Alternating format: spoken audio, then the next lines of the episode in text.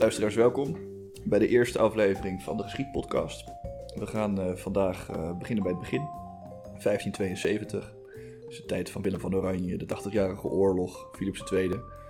Judith Polman, professor vroegmoderne geschiedenis aan de Universiteit Leiden, die gaat ons daar alles over vertellen. Heeft ook een paar mooie boeken daarover geschreven, die, uh, die vind je in de show notes. nou, we gaan meteen maar beginnen. Nou, mevrouw Polman, van harte welkom uh, bij de podcast. Dankjewel. Ja, we gaan het vandaag hebben over het ontstaan van Nederland in uh, 1572. Uh, nou, die, die 16e eeuw is natuurlijk sowieso een, een hele turbulente periode. We hebben de 80-jarige oorlog, uh, we hebben de godsdienstoorlog tegen de katholieke kerk. Um, nou, kunt u vertellen hoe Nederland er nou eigenlijk uitzag in die tijd? Uh, de Nederlanden, moet je dan zeggen. Dus dat is het huidige, de huidige Benelux, zeg maar. Een stukje Noord-Frankrijk erbij. Dat is één politieke eenheid sinds kort. Die worden, die, al die Nederlanden, dit zijn allemaal eigenlijk oorspronkelijk eigen landjes. Um, die zijn uh, door vererving, uh, verovering enzovoort onder het gezag gebracht van één en dezelfde vorst. En dat is um, in 1572 is dat koning Philips II. Die is niet alleen maar vorst van de Nederlanden, maar ook van uh, Spanje en van stukken van Italië en van uh, stukken van de Amerika's. Komt uit het huis Habsburg en zijn vader was ook nog keizer van het Duitse Rijk, maar dat is hij zelf niet meer geworden. Maar goed, hij had dus wel een behoorlijk uh, groot gebied onder, zijn onder controle. En in 1572 was hij, al, was hij daar al een poosje niet geweest. hij was ruim tien jaar eerder naar Madrid gegaan. Dus uh, moest hij zich laten vertegenwoordigen door een landvoogd of een landvoogdes. Die in Brussel een soort regering had, centrale regering, die dan over al die 17 Nederlanden moest regeren. Ja, en de 16e eeuw was natuurlijk een behoorlijk wilde eeuw ook, hè? vooral op godsdienstig vlak. we kennen natuurlijk Erasmus, die, die was ook kritisch geweest naar de kerk, maar Luther die ging nog even een stapje verder. Hoe was de situatie toen in Nederland? Koning Philips en zijn vader um, voelden zich heel erg verantwoordelijk om hun gebieden katholiek te houden. En die hadden zich dus eigenlijk van Luther, die, die is in de, de, de, eerste Lutheranen zijn in de Nederlanden inderdaad in 1521 uh, uh, veroordeeld. Um, en ja, dat, dat hadden ze gedaan dus met wetgeving. Wetgeving die ook steeds strenger was geworden waarin uh, het, het, hebben van verkeerde ideeën, dus de ideeën van Luther of van uh, Johan Calvin, van Jean Calvin, Johannes Calvin, um, of uh, de ideeën van de wederdopers, mensen die niet in de kinderdoop geloofden. dat was heel strikt verboden. En uh, er was wetgeving over gemaakt. Die waarom was dat zo strikt verboden? Nou, omdat zij denken, zij vonden dat, zij dachten dat, uh, dat zij de opdracht van God hadden om uh, de katholieke kerk te beschermen. En deze Calvijn en Luther, die vallen die ideeën van die kerk aan. En ja, dat is eigenlijk voor die vorsten, die denken ja, dat zij hun verantwoordelijkheid niet nemen als ze dat laten voortwoekeren. Ja. ja, en waarin verschillen die protestanten nou eigenlijk van de katholieken? Wat was het uh, belangrijkste? De katholieke kerk uh, hè, uh, had toen, net zoals nu, de paus in Rome aan het hoofd. Um, en de gedachte was dat hij de hoogste priester was in een systeem waarbij priesters, mensen die speciaal, speciale roeping hadden om priester te zijn, um, in staat waren om zonden te vergeven. Um, uh, dus mensen, dat betekende eigenlijk dat in de leer van de kerk je die priesters ook nodig had om naar de hemel te gaan. En dat moest je dan doen via uh, het meedoen en uh, aan de rituelen die de katholieke kerk daarvoor bedacht had. En Luther zegt ehm, dat is raar, want het is aan God om mensen te vergeven en te bedenken wie er naar de hemel en de hel gaat. En dat kunnen mensen eigenlijk helemaal niet doen. Um, en hij stelt een ander soort kerk voor, waarin uh, priesters eigenlijk vooral zijn om mensen de Bijbel uit te leggen en uit te leggen wat God bedoeld heeft. En mensen te vermanen, maar niet om. Zij kunnen geen beslissingen nemen over wie er naar de hemel gaat en wie niet. Nou, dat is voor 16e eeuwers die allemaal in God geloven, is dat een heel belangrijk punt. En uh, dat idee van die we noemen eigenlijk de aanhangers van Luther en Calvijn, dat hebben we een soort verzamelterm, dat zijn protestanten, die, ja, die, die gaan er eigenlijk meer nadruk op leggen dat men individuele gelovigen uh, allemaal precies moeten weten wat er geloofd moet worden. Uh, dus ze moeten de Bijbel lezen in de volkstaal. Ze moeten daarover na naar veel volkstalige preken luisteren. Dat, dat, um, dat is een hele andere benadering van de, van de kerk. En omdat de katholieke kerk bovendien tijdgenoten geassocieerd wordt met veel misstanden, corruptie, nou ja, zelfverrijking. het, het idee dat je je dat je een gift kunt doen aan de kerk en dat daarmee je zonden vergeven worden. Nou, dat soort dingen, daar, daar protesteert men tegen. Ja. Nou, daar, is, daar zijn de koning en zijn vader dus heel erg tegen gekant. En de mensen in de Nederlanden zijn heus niet allemaal protestant, integendeel. Maar ze vinden wel dat die manier van de, de manier waarop de koning de vervolging van dissidenten, hè, dus van mensen met een afwijkende mening, uh, heeft georganiseerd dat die helemaal verkeerd is. En wat je ook ziet is dat um, ja, die adel zich ermee gaat bemoeien. Hè? Die, uh, er is dus wat kettervervolging, wat, wat u zei. Die mensen die dus anders denken, die protestanten, die uh, nou, worden op een gegeven moment echt vervolgd door uh, koning Philips. Um, en ja, hoe, hoe komt die adel daar, daarin terecht? Tegen, dus er is steeds meer kritiek op die ketterijwetgeving. En die, kerk komt, die kritiek komt voor een deel van stadsbesturen. Die denken uh, wij willen zelf bepalen hoe, dit, uh, hoe ermee omgegaan wordt met dit probleem. Maar er is ook veel kritiek onder de adel. Edelen zijn de soort natuurlijke bestuurders hè, in deze periode. Dus die zijn hoge edelen die zitten naast de landvoogdes in de Raad van State in Brussel. En, uh, die bestond? Ja, precies. En die zijn ook stadhouder van, hè, dat wil zeggen een soort gouverneurs van de verschillende gewesten. Die hebben allemaal een hoge edelman die daar um, uh, militair met name de verantwoordelijkheid heeft om dat te beschermen. En die vinden eigenlijk. dat was Willem van Oranje. Willem van Oranje is bijvoorbeeld die stadhouder van Holland en Zeeland en ja. Utrecht en andere hoge edelen van andere gewesten. En uh, eigenlijk is het zo dat die, die hebben ook bezwaar tegen die uh, ketterijwetgeving. Maar die vinden eigenlijk ook dat er niet genoeg naar ze geluisterd wordt in die bezwaren. Dus die proberen al een hele poos de aandacht van Philips te krijgen voor het feit dat het, dat met die ketterijbestrijding dat dat niet meer goed gaat. Dat het ook niet meer, ze vinden het ook niet meer passen. En het lukt ze eigenlijk niet om het oor van de koning te krijgen. En dat betekent ook dat een groot, steeds groter wordende groep edelen met name ook vindt dat het nu tijd wordt om eens duidelijk te zeggen waar het op staat. En die gaan in 1566, aan het begin van 1566, daar een groot smeekschrift over indienen. Dat is een soort petitie. Uh, die gaan ze ook persoonlijk brengen aan de landvoogdes in Brussel. En dat leidt dan ook wel tot een, een hele soort... stoet is dat toch? Die dan door hele Brussel stoet, loopt. ja precies. Ja. Nou, een paar honderd mannen, dus dat is toch wel indrukwekkend. Ja. En, Allemaal um, adel. Allemaal, allemaal edelen, maar niet die hoge, eh, dus niet Willem van Oranje en Egmond ja. en zo. Um, Want die, die willen de blijven koning op de nog een achtergrond. beetje, uh, nou, die ja. blijven op de achtergrond steunen. Die, ja, die zijn de regering. Dus het Ja. is, je, je gaat ook niet Mark Rutte in een demonstratie. Bedoel, dat is raar als Mark Ja. Rutte een, een, een, een, een, ehm, een petitie aan zichzelf zou aanbieden. Dat kan niet. Dus, ehm, maar die zijn op de achtergrond wel op de hoogte. En ehm, wat er dan eigenlijk gebeurt, de landvoogdes, die weet allemaal, die had het zien aankomen, dus die heeft ook precies bedacht wat ze eraan gaat doen. Die zegt, we gaan het nu modereren, matigen, die wetgeving. Dat wil in, in de praktijk zeggen, we gaan even niemand vervolgen en dan gaan we aan de koning vragen wat we moeten doen. Nou, die koning zit in Madrid. Dat is ver weg in die tijd. Hè. Je, je kunt niet e-mailen of bellen. Dus voordat een brief heen en weer is, ben je wel een paar maanden verder. Dus zij doet gewoon wat vaak bestuurders doen. Even uitstellen. Hè. Aanmodderen, Aan- ja. aan- nou ja, precies. Van kijken of het vanzelf overgaat. Je weet het niet zeker. Ehm, en dan gebeurt er iets wat ze eigenlijk allemaal niet zo erg hebben zien aankomen.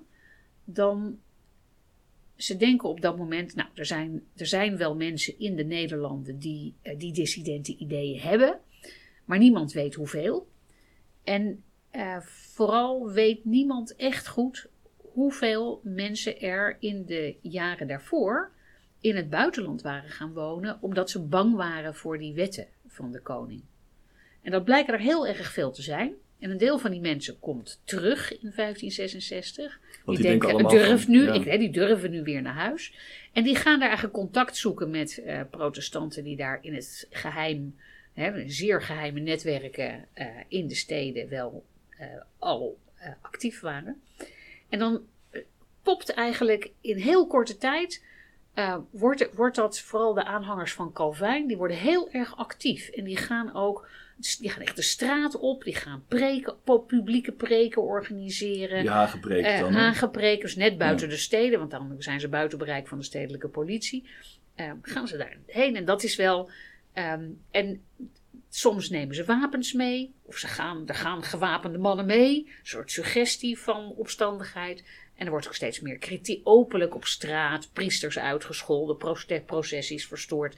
Dus je ziet dat er een soort spanning stijgt. Dus echt een soort publieke demonstratie wat er dan eigenlijk ontstaat. Ja, je- ja, dus een beetje een soort euf- euforisch idee van ja, eh, we, we mogen nu en, en we zijn met veel. Ehm, en binnenkort gaan er grote dingen gebeuren.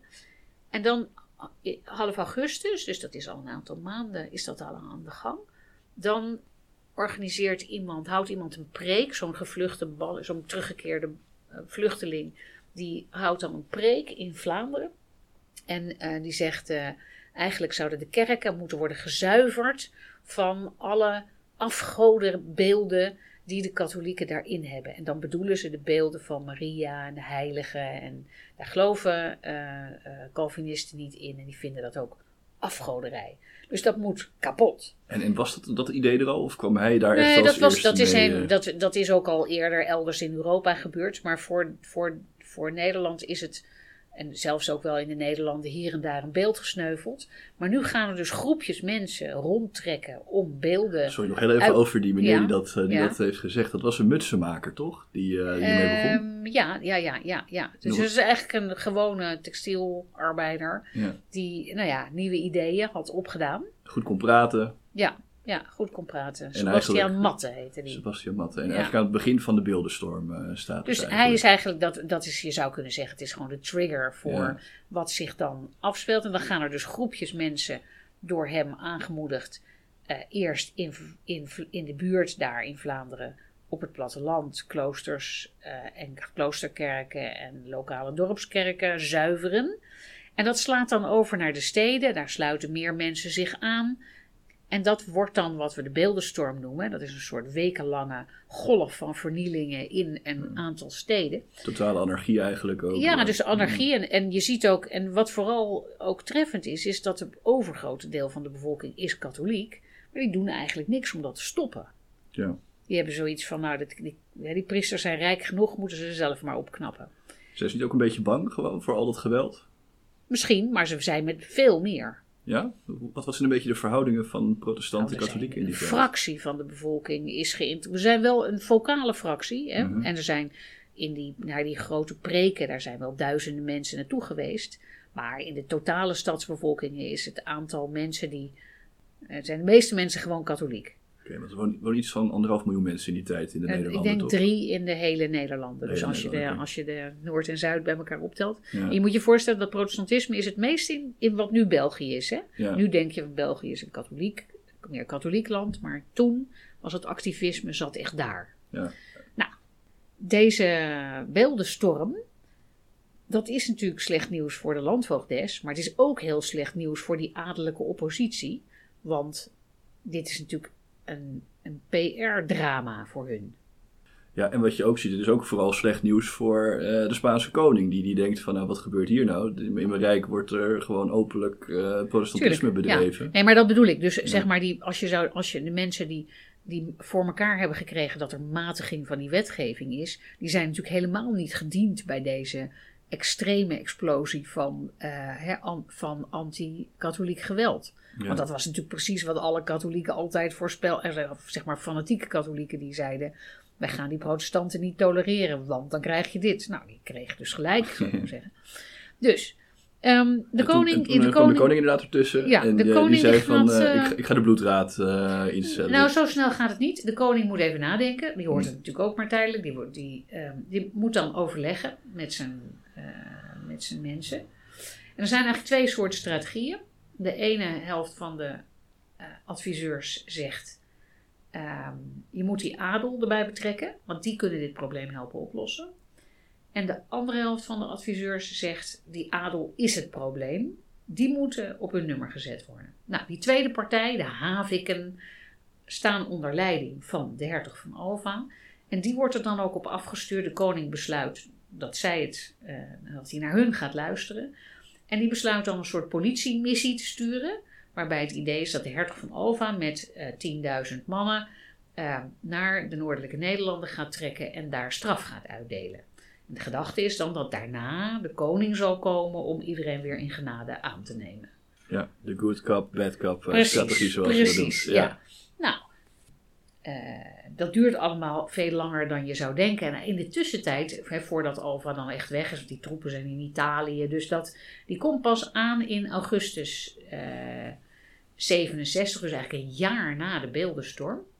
En dan vindt de landvoogdes dat ze eigenlijk al wel weer aardig de, de, de, de, de winter onder heeft. Die heeft ook troepen gehuurd in, en uh, heeft samen met de hoge adel ook al veel gedaan om, hè, om dat Calvinistische opstandigheid ook weer de kop in te drukken.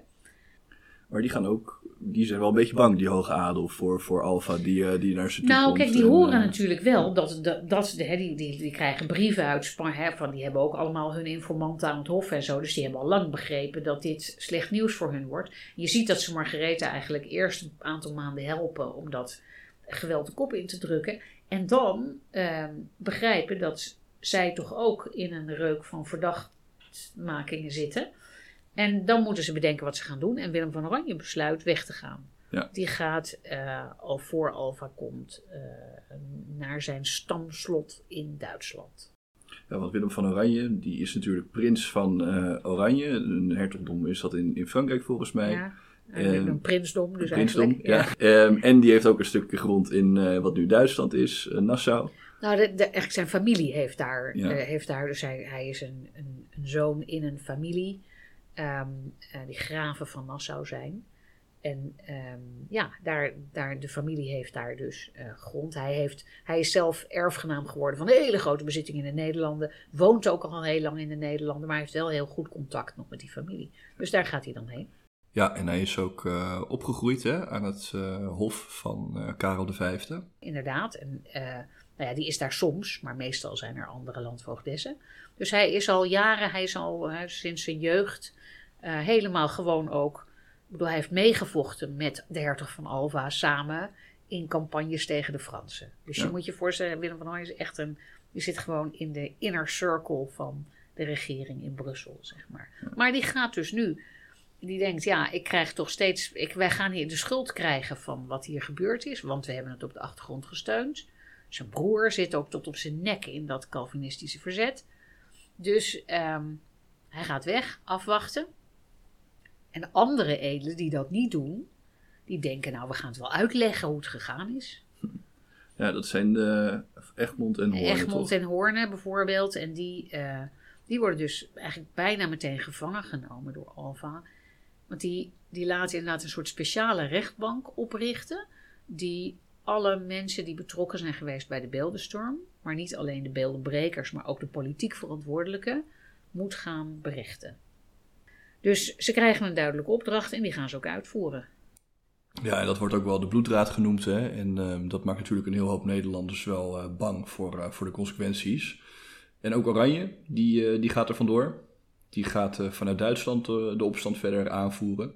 Die, die probeert dan eerst met, met propaganda, probeert hij toch de Nederlanders dan te bewegen voor zijn, zijn doel. Ja. Ehm, namelijk opstand tegen de Spaanse koning. Um, ja, hoe ging dat in zijn werk en hoe, hoe ging dat in het begin? Sloeg dat een beetje aan? Uh, hadden ze daar zin in? Want de Nederlanders waren natuurlijk wel geschrokken van, van alles wat er gebeurd was in die bloedraad. Ja, daar heb je gelijk in. Kijk, dat, uh, Alpha, of, uh, Willem van Oranje die, die wordt ook door die rechtbank opgeroepen. En als hij niet gaat, verliest hij al zijn bezit. En dat is het moment waarop hij denkt, nou, dan moet ik dus nu me gaan verzetten. Ehm, dan verkoopt hij het familiezilver en gaat een leger bij elkaar brengen. En uh, met dat leger valt hij in 1568 de Nederlanden binnen. Dat mislukt eigenlijk totaal, omdat hij heeft allemaal oproepen gedaan aan allerlei steden om hem te helpen, maar niemand doet dat. Mensen vinden het, zien het toch te veel misschien ook als een soort privéonderneming. Van, uh, nou ja, edelman in moeilijkheden, waarom zouden wij onze nek uitsteken? Of ze zijn bang, ja. ja. En hij heeft ook wel een paar kapersbrieven, geeft hij dan aan bepaalde... Ja, dat is eigenlijk daar, dus daarna dus die invasie die mislukt. Mhm. En ehm, nou, dan heeft hij eigenlijk dus absoluut geen geld meer. Dan moet hij bij, probeert bij allerlei buitenlandse connecties, andere protestanten, eh, geld op te halen om toch nog weer een leger bij elkaar te brengen.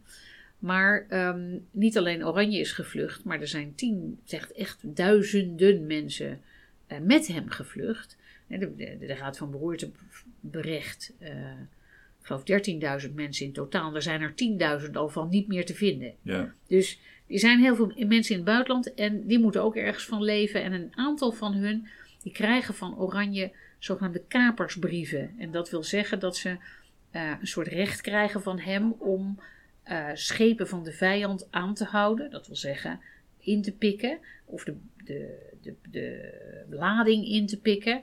Ehm, en eh, dat is wat we zijn mensen die we de watergeuzen noemen. En die gaan eigenlijk vanaf ehm, eh, ehm, 68, 69 beginnen die de Nederlandse wateren onveilig te maken. Is een soort, die gaan ook, die worden op zee heel gevaarlijk, maar gaan ook steeds meer op land ook aanvallen. Uh, dus allerlei kustplaatsjes die krijgen bezoek van de watergeuzen. Nou, dat is niet zo'n pretje. Uh, dan, uh, dan, steken ze kerkgebouwen in brand en halen ze van alles leeg. En soms ook beroven ze gewoon mensen. Ja. Ja, en je ziet ook dat vooral Amsterdam, die is ook helemaal niet blij. Want de handel die wordt natuurlijk heel erg aangetast door, door die kapers die daar op de loer liggen. En je ziet eigenlijk dat, gewoon dat, dat heel veel mensen van de bevolking helemaal niet zo blij zijn met, met wat Oranje aan het doen is op dat moment, toch? Nou, kijk, die, die, watermensen zijn heel bang voor die watergeuzen. Um, dat is heel logisch. Maar ze vinden eigenlijk dat de regering daar wat aan moet doen. En het, in toenemende mate wordt duidelijk dat de regering dat niet doet. Dus de regering, de hertog van Alva, die heeft um, op dat moment um, eigenlijk geen geld om een vloot uit te gaan rusten om te helpen om die watergeuzen te bestrijden. En hij zegt, nou als jullie dat willen, Holland, met name in Holland, hij zei in de kust, kustgebieden hebben ze het meeste last van, van betaal het dan maar zelf. Nou, dat doen ze één jaar en dan uh, hebben ze, nou, het gaat vervalt. Dan, en ook om, om dat land te beschermen, zegt Alva, nou dan stuur ik mijn soldaten wel. Hè, dat leger van 10.000, hij is inmiddels nog steeds 10.000 man. Maar dat wil echt helemaal niemand. Want het is in de 16e eeuw zo dat eigenlijk uh, soldaten hebben geen barakken of zoiets. Of, uh, die, die, die, logeren bij de mensen thuis. Dat wil eigenlijk niemand hebben. Hè? Dat wil echt niemand. Normaal, onder, ook onder de beste omstandigheden wil niemand dat. Want het is, daar heb je gewoon last van en het is al te duur. En, uh, maar bijkomend probleem is dat Alva eigenlijk al een hele poos geen geld meer krijgt uit Spanje. Dus die kan die soldaten niet betalen. En die nou ja, onderbetaalde soldaten in huis hebben is echt rampzalig. En dat komt eigenlijk, hè, dat, uh, waarom krijg je nou geen geld uit Spanje? Dat komt omdat die Spaanse koning, die heeft eigenlijk allerlei prioriteiten. Die heeft een heel lang to-do-lijstje waar die, waar die naar moet gaan kijken. Dan kunt u misschien daar iets over zeggen. Van wat zijn nou andere dingen, behalve de Nederlanden, waar die Spaanse koning eigenlijk allemaal mee bezig is en wat er speelt in, die, in ja. zijn, uh, zijn, zijn grote rijk? Nou, we zeiden net al, hij, heeft, hij, heeft dus, hij is ook verantwoordelijk voor allerlei andere dingen. En hij heeft van zijn vader een soort uh, uh, opdracht, een lijstje van, met prioriteiten gekregen. Dat is in de eerste plaats Spanje beschermen. Um, dan Italië, de Italiaanse bezittingen. Um, dus de helft van Italië is op dat moment Spaans. Um, het Middellandse zeegebied beschermen tegen de opmars van de Osmanen. En dat zijn de Turkse. Het Turkse Rijk wordt steeds groter op dat moment. En die zijn in uh, rukken op. Dus dat uh, een beetje katholieke vorst moet daar ook iets ja. tegen doen. Het christendom verdedigen. Het christendom verdedigen. Ja dat ja, dat, dat, dus dat, daar, heeft, daar, daar moet ook veel geld naartoe. En um, in 1571 bijvoorbeeld zet Philip groots in op een vloot die de Turken moet bestrijden. En dat lukt ook in de overwinning bij Lepanto. Dat is echt de grootste overwinning van een christelijke vorst op de uh, Turken uit de 16e eeuw. Dus dan een enorm ding. Maar ja, um, hij, heeft, hij heeft wel veel inkomsten, maar hij heeft ook altijd veel problemen. Dus um, hij moet kiezen waar hij zijn geld aan uitgeeft. En hij heeft eigenlijk al in 69 of zo tegen Alfa gezegd van... Ja, tot nu toe ben jij, zijn jij en jouw leger betaald door de Castiliaanse belastingbetaler. Maar dat gaan we nu niet meer doen, zeg maar. Ze moeten het maar zelf gaan betalen, die Nederlanders. Ja. En Alfa heeft eigenlijk sinds dat moment eh, ruzie met eh, eh, de Nederlandse... Die, al die gewesten in al die provincies in Nederland, die hebben allemaal statenvergaderingen. Net zoals nu. En is het een beetje te vergelijken met, hoe wij nu naar Europa kijken eigenlijk? Hè? Dus, dus die mensen toen die hebben vooral hun eigen stad, misschien uh, het gewest waar ze onderdeel van uitmaken. Dat is waar ze, waar ze burger van zijn. Moeten we dat ook zo zien?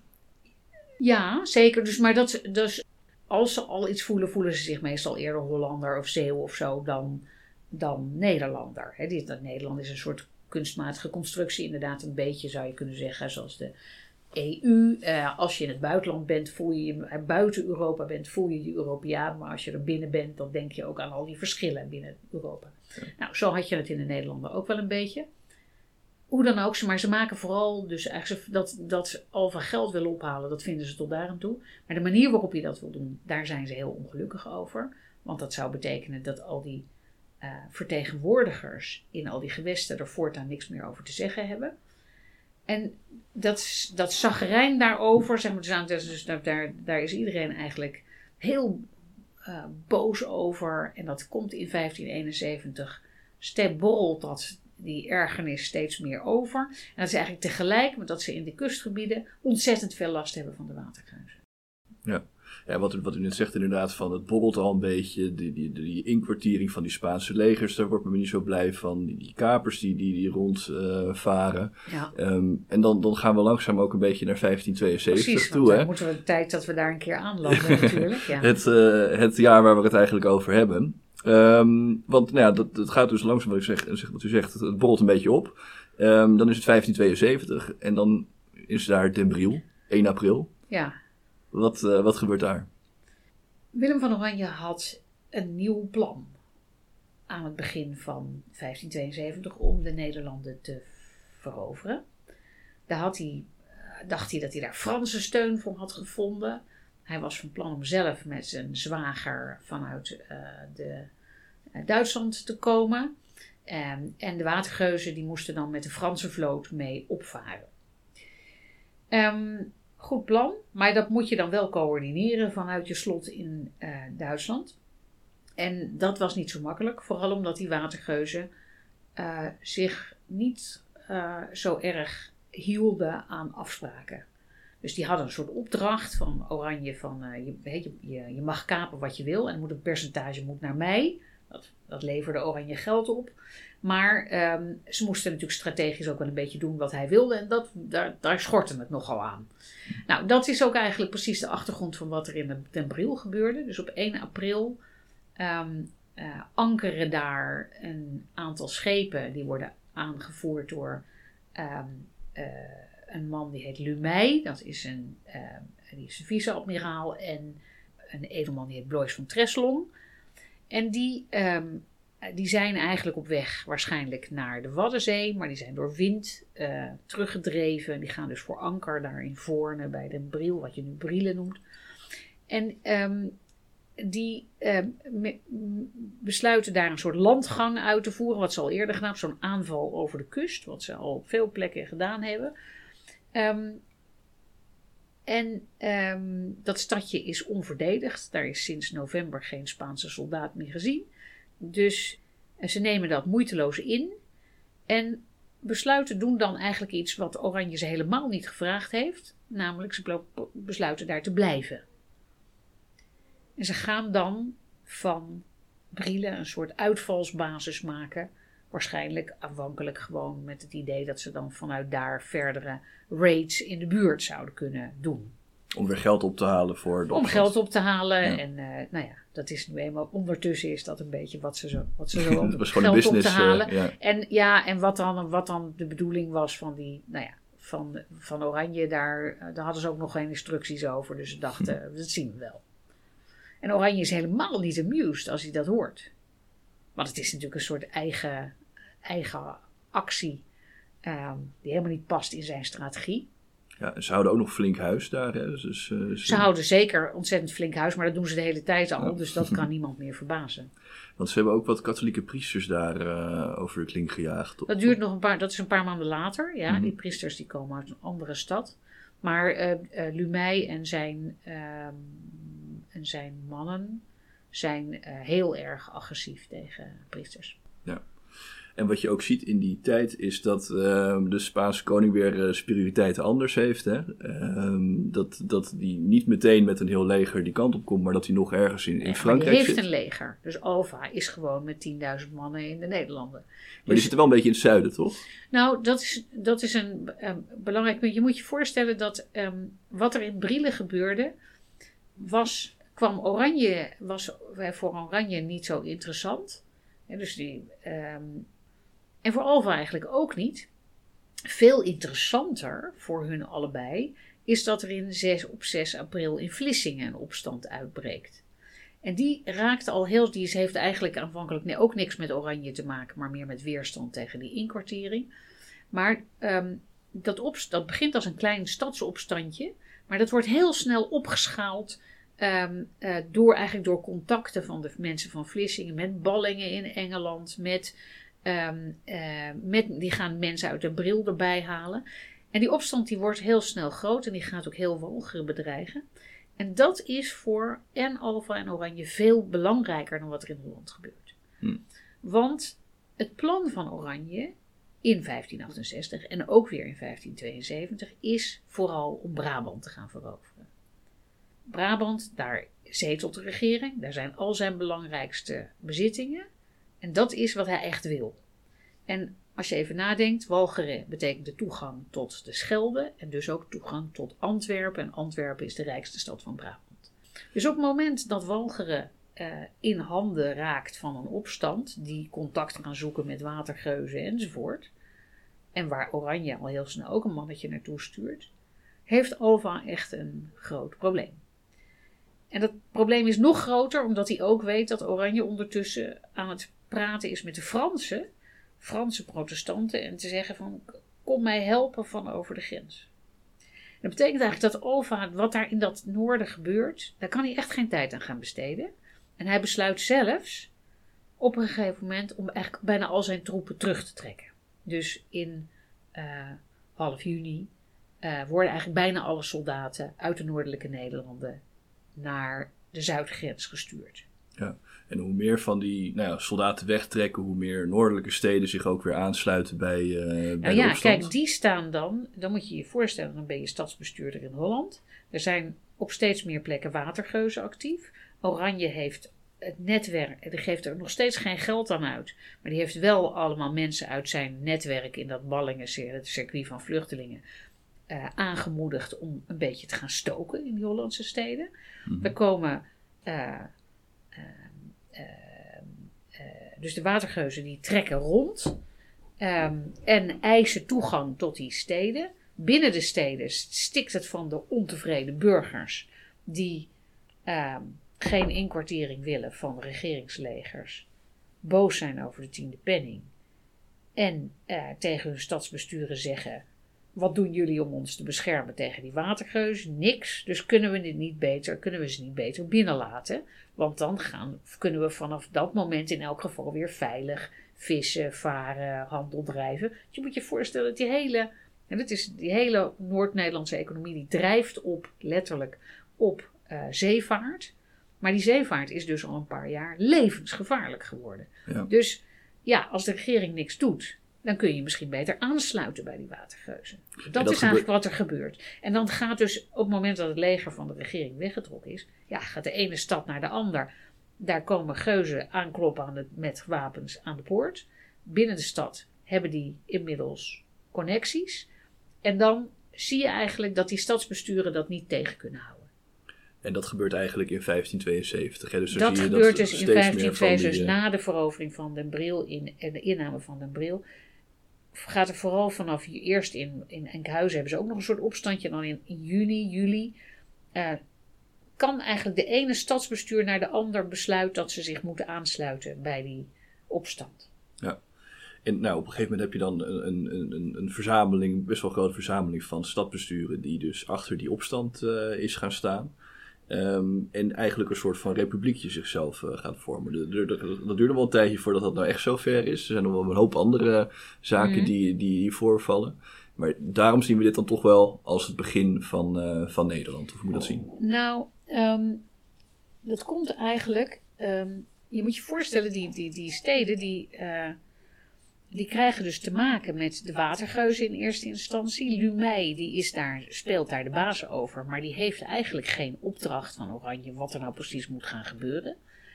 Um, en die steden hebben dus allemaal één op één onderhandeld met hem. Van nou ja, uh, we laten je binnen, maar dan moet je wel de katholieke kerk met rust laten. Of dan moet je wel uh, onze oude rechten respecteren. Maar ze kunnen dat zelf ook niet afdwingen. Dus die steden die voelen zich steeds meer onze, ja, die worden, wordt ook steeds chaotischer en gewelddadiger. En Oranje ondertussen, die uh, wil wel graag dat die steden hem financieel gaan steunen. En ondertussen wil hij eigenlijk ook wel duidelijk maken dat het toch echt zijn opstand is en niet die van Lumey. En dat betekent dat hij besluit om een soort politiek overleg te, te de, een soort statenvergadering. Er zaten in Holland traditioneel altijd veel steden in. En uh, dus hij nodigde eigenlijk de steden, die kenden die allemaal nog uit de tijd dat hij stadhouder was. Dus hij zegt van, waarom roepen jullie geen statenvergadering bij elkaar? Um, en dan kunnen we, jullie daar, kunnen we daar praten over hoe dat dan verder moet hier. Nou, die statenvergadering komt er met een boodschapper van de prins. En daar worden dan eigenlijk een aantal afspraken gemaakt die je zou kunnen zien als het begin van een soort politieke, uh, een nieuwe politieke constructie die ze met elkaar beslissen. En daar, daarbij is eigenlijk de inzet, een soort belangengemeenschap is dat, van jullie gaan meebetalen aan mijn opstand, zegt Oranje. Jullie gaan mij als stadhouder erkennen. Er is een hele andere stadhouder inmiddels, maar ik, jullie zeggen, ik ben jullie stadhouder. Los dan van zeg de hele ik, Spaanse koning en dergelijke. Dan, ja. Precies, dan zeg ik dat jullie een echte statenvergadering zijn. Ook al zijn er geen afgevaardigden uit Amsterdam bijvoorbeeld, wat helemaal niet mee wilde doen aan de opstand. Ja, wat, wat Amsterdam bleef wel al die tijd katholiek. Amsterdam blijft, en, uh, blijft, houdt zichzelf, uh, ja, die zorgen voor hun eigen verdediging tegen die watergeuzen. Dus die kunnen ze buiten de deur houden. Dus die waren eigenlijk een beetje fout in de 80-jarige oorlog. Als je, dat, als je dat zo wil zien, is dat. uh, he, um, maar die, dan komt er dus een soort, deze statenvergadering die er dan in juli 1572 in Dordrecht wordt gehouden. Um, daar maken ze dus eigenlijk een afspraak. Waarom in Dordrecht eigenlijk? Dat is de oudste stad van Holland. Ja. En die waren, was gevraagd. En bovendien was de munt ook daar. Nou, allemaal handige redenen. Dordrecht komt steeds terug in de Nederlandse geschiedenis. Zeker, zeker. Uh, ja. nou, maar wat er dus eigenlijk daar gebeurt. Is dat ze zeggen. De stadhouder erkent de staten. De staten erkent de stadhouder. Dan hebben ze dus samen elkaar gelegitimeerd, zou je kunnen zeggen. Ze gaan meebetalen. Maar ze krijgen er ook wat voor terug. Um, ze krijgen namelijk inspraak, is het idee in wat er verder we gaan. En de, de onderlinge afspraak is: niemand gaat nu meer vrede sluiten zonder met de anderen te overleggen. We gaan dus elkaar helpen en we gaan ook niet één op één weer afhaken. Ja. Dat geldt voor de Prins van Oranje, maar dat geldt ook voor die steden. Nou, dat, is een, dat zou je kunnen zien. Dat is op dat moment helemaal niet als bedoeling voor een eeuwig onafhankelijk Nederland of een basis voor een staat of wat dan ook. Het is een op dat moment handige afspraak, zou je kunnen zeggen. Maar dat is een afspraak die wel de politieke kiem is voor het soort structuur wat ze later, als er wel een onafhankelijke staat komt, eh, eigenlijk gaan uh, voortzetten. Ja. En in die zin kun je dus zeggen, de, ik zou zeggen, de kiem is, hè, er, is een, een, zaadje geplant voor, de, voor de, uh, het ontstaan van, uh, van Nederland. Ja. ja, want heel lekker ging het ook niet hè, in 1572 met, uh, met alle veroveringen. Alfa die kwam ook weer terug op strafcampagne. Hoe ging dat in zijn werk? Oranje's militaire campagne in die zomer eigenlijk hopeloos mislukt. Dus hij gaat proberen om Brabant te veroveren. Maar die Franse steun, die, uh, eerst wordt hij verslagen en dan stopt hij. Dus dat, uiteindelijk kan hij daar niet meer op rekenen. Nou, dan wordt hij gewoon in, dan, dan is hij geen partij voor de hertog van Alva. En moet hij zich schielijk gaan terugtrekken. Um, En Alva stuurt daarna, gaat daarna met zijn zoon op een soort strafexpeditie voor al die steden die zich hebben aangesloten. Dus die gaan eerst uh, Mechelen plunderen en uh, trekken dan naar Oost-Nederland, Zutphen innemen. En dat door daar flink veel geweld te gebruiken, uh, is de gedachte: gaan andere steden dan wel snel zien dat ze beter met, met de hoed in de hand terug kunnen komen naar de uh, regering om, om, om genade te vragen. Dat werkt ook heel goed. En dat gaat, bij Naarden, toch? Dat gaat, gaat precies, daar gaat dus in Naarden gaat dat mis. En dat is eigenlijk omdat daar, dat, dat, omdat daar iets gebeurt. Daar worden voor het eerst, wordt voor het eerst eigenlijk systematisch de mannelijke burgerbevolking gestraft, vermoord. Door, dus er, zijn allerlei mensen vermoord voor die tijd, maar dat is niet zo uh, het is eigenlijk voor het eerst dat de burgerbevolking echt zo'n target is. Dat wordt bovendien ontstaat er heel veel verwarring over wat er de afspraken waren. Dus vaak is het zo, bij zo'n, in zo'n 16e-eeuwse oorlogssituatie, als je je op tijd overgeeft, dan krijg je genade. Maar als je je blijft verzetten, dan mag, het le- hè, dan mag de, degene die jou inneemt, die kan je plunderen. Nou, er heerst verwarring over wat er is afgesproken daar. En dat betekent, nou, de, uiteindelijk wordt de hele Naardense bevolking, mannelijke Naardense bevolking, die wordt daar bijna helemaal uitgemoord. En dat, dat betekent eigenlijk in de andere steden van Holland creëert dat een soort van, oké, uh, wat hebben wij te verwachten? En Oranje, die is, hè, die, is, die heeft zich inmiddels, eigenlijk is Holland op dat moment nog de enige plek waar hij iets te zoeken heeft. Want voor de rest is de opstand in Gelderland is het helemaal ingestort, in Overijssel, in Friesland en in de zuidelijke Nederland. Dus Holland is nog de enige plek die hij over heeft. Daar is hij naartoe gegaan. En daar gaat hij dan dat, die, die statenvergadering die zich met hem samen, hè, waar hij eigenlijk afspraken mee heeft gemaakt in de zomer, gaat hij zeggen: Jongens, we hebben hier een afspraak over. We gaan ons gezamenlijk hè, opstellen. Dus als wij gezamenlijk besluiten dat we gaan doorvechten, dan gaan we doorvechten. En dan gaan we elkaar ook helpen. Ja, dus dat samenwerkingsverband, uh, wat daar in uh, 1572 wordt gesticht, dat, dat is dus eigenlijk het begin van Nederland. Hè? Um, en dat wordt voor het eerst in de praktijk gebracht bij, bij Haarlem, als ik het goed heb. Kunt u daar ons wat over vertellen? Haarlem krijgt een leger, een professioneel leger ingehuurd met mannen. En die moeten de stad gaan verdedigen. En dat gaan ze dan ook doen. En dat wordt eigenlijk het begin. Nou, dan, dan is die soort snelle strafcampagne van Alva, die loopt eigenlijk vast in de modder rondom Haarlem. En vanaf het moment dat hij midden in de winter voor Haarlem een beleg moet slaan, wat uiteindelijk uh, tot juli van het jaar erop zal duren, zeven of acht maanden lang. Duizenden mensen gaan daar dood. Dus van zijn soldaten gaan daar gewoon dood van de kou en de honger en de ziektes. En van de gevechten ja, dan is, het, dan is die oorlog opeens een vreselijke, langdurige, slopende zaak geworden. Ja, en hoe gaat het in die um, jaren daarna er eigenlijk aan toe? In de jaren vanaf 1572 tot 1576 gaan die Spaanse legers tegen hele hoge kosten proberen om die Hollandse steden terug te veroveren. En uiteindelijk lukt dat toch niet. Uh, die legers worden uh, dus de, de, Hollanders slagen erin om zichzelf te bevoorraden, omdat er, ze betere bootverbindingen hebben.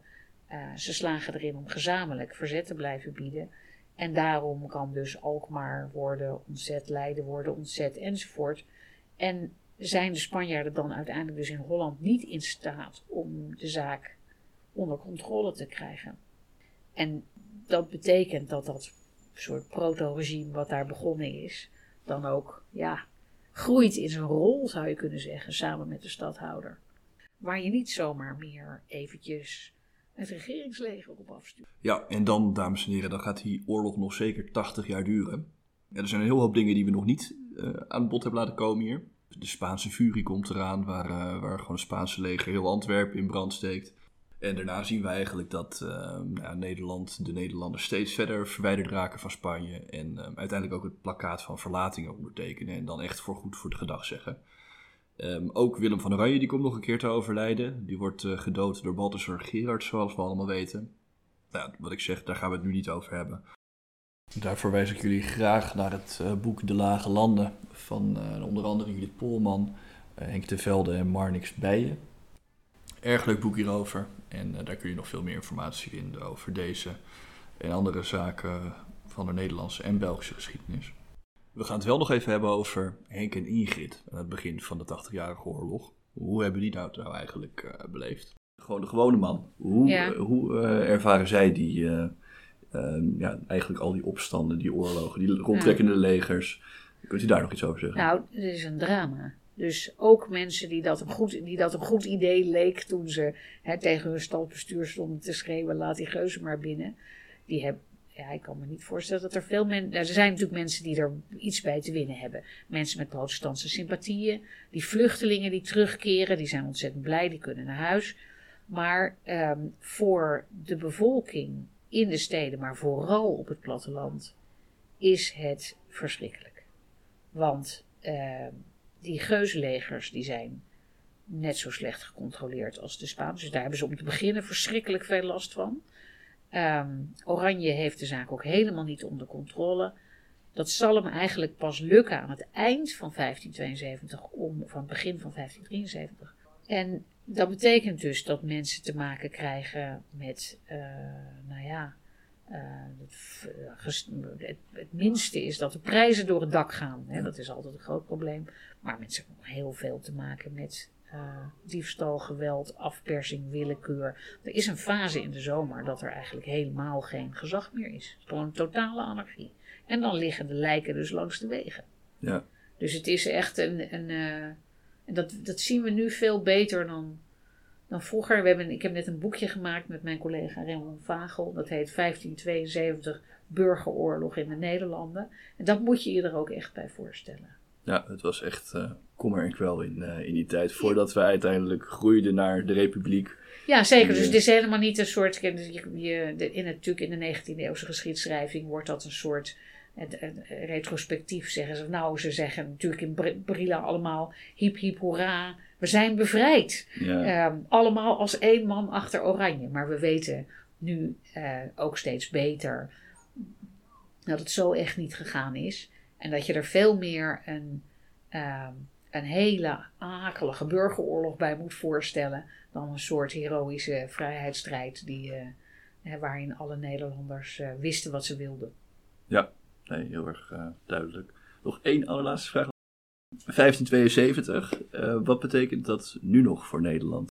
Nou, wat wel interessant is, is dat die, die, op het moment dat die steden met Oranje gaan zitten praten over hoe het verder moet, hè, um, of liever niet met Oranje zelf, maar met Oranjes afvaardiging, dan zie je dat ze er eigenlijk um, heel zakelijk in staan. Ze gaan gezamenlijk um, afspraken maken over wat ze gezamenlijk gaan doen en niet gaan doen.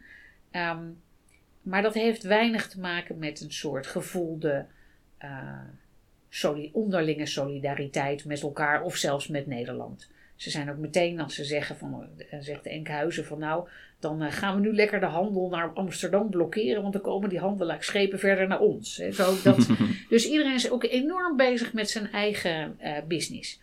En um, wat je daarin ziet is een soort acceptatie dat er uh, gezamenlijk gehandeld moet worden en gezamenlijk moet worden opgetreden, uh, maar wel heel erg in het. Uh, um, nou ja, dat je daarbij met schikken en plooien en concessies en polderen um, ook alle belangen, zeg maar, tegen elkaar gaat afwegen en dan gezamenlijk naar voren komt.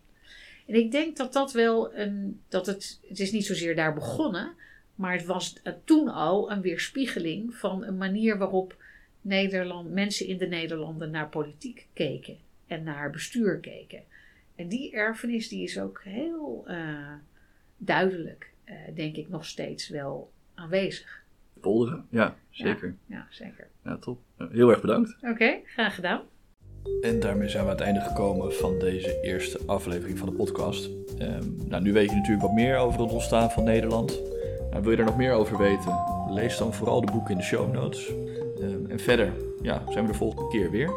Uh, dan met een aflevering over de Gouden Eeuw. En daarvoor hebben we niemand minder uitgenodigd dan Maarten Brak. Dus uh, daar heb ik veel zin in. Tot dan.